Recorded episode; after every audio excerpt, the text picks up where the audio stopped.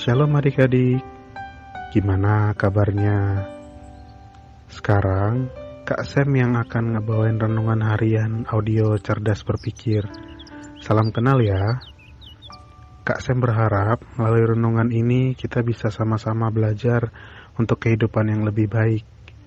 Hari ini, Kak Sam akan ngebawain renungan harian yang judulnya Stop Menyalahkan Yang Lain.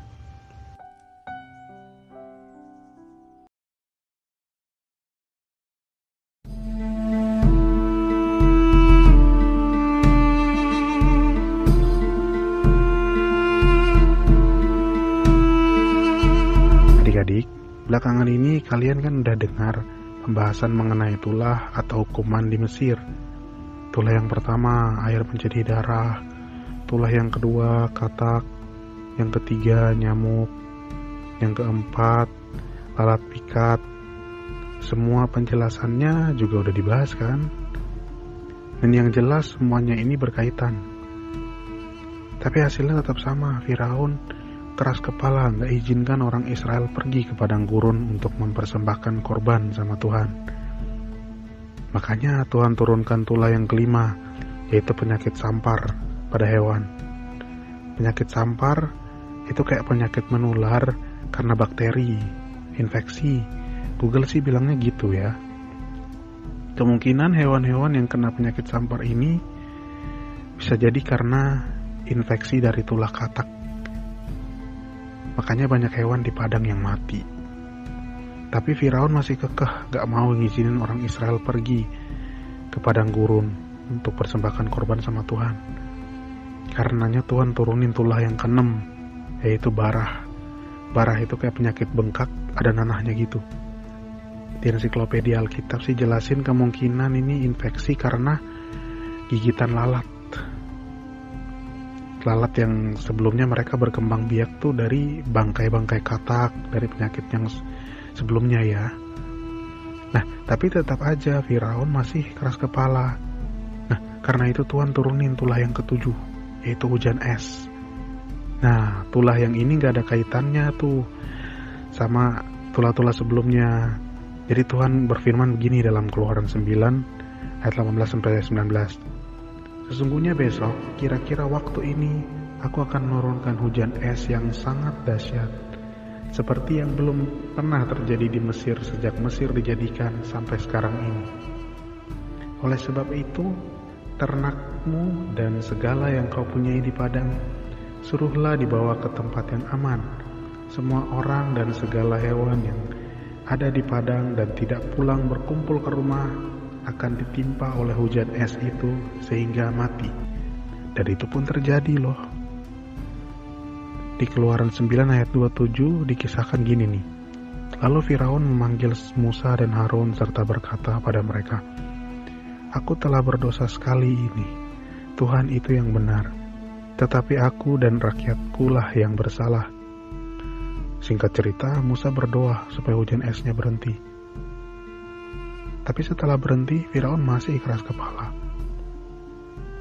Tapi tunggu deh. Bukannya tadi Firaun bilang gini, Aku telah berdosa sekali ini, Tuhan itu yang benar, tapi aku dan rakyatku lah yang bersalah. Hmm, gimana ya Firaun memang aku salah sih ya, tapi dia juga nyalain yang lain, dia nyalain rakyatnya, Emang sih ya berapa orang Mesir ikut menindas orang Israel waktu itu. Tapi itu kan karena Firaun yang ngasih perintah supaya orang Israel harus diperbudak. Rakyat waktu itu mah nurut aja, apalagi waktu itu Firaun dianggap sebagai titisan dewa Mesir. Wah, makin nurutlah orang Mesir. Harusnya Firaun gak perlu nyalain orang lain, ya kan?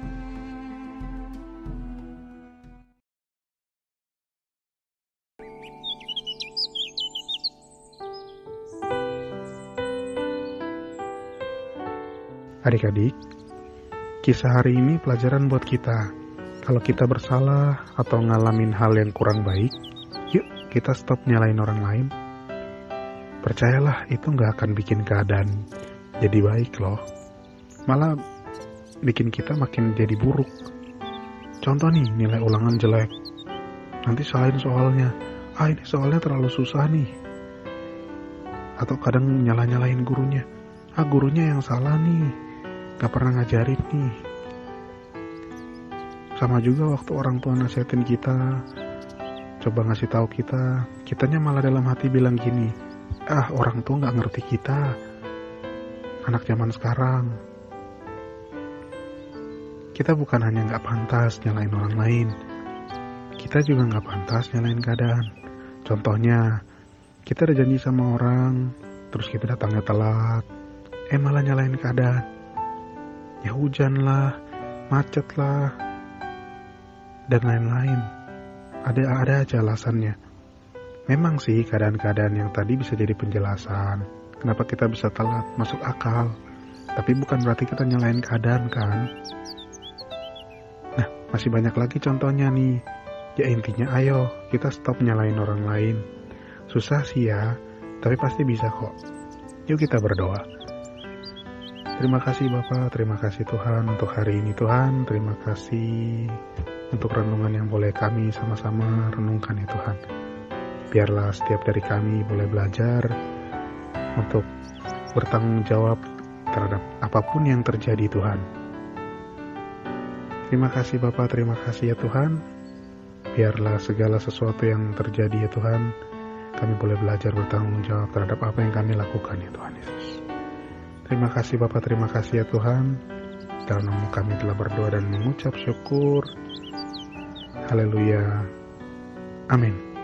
Oke, tetap sehat, tetap semangat, dan tetap jadi berkat. Jangan lupa bahagia ya. Tuhan Yesus memberkati. Dadah.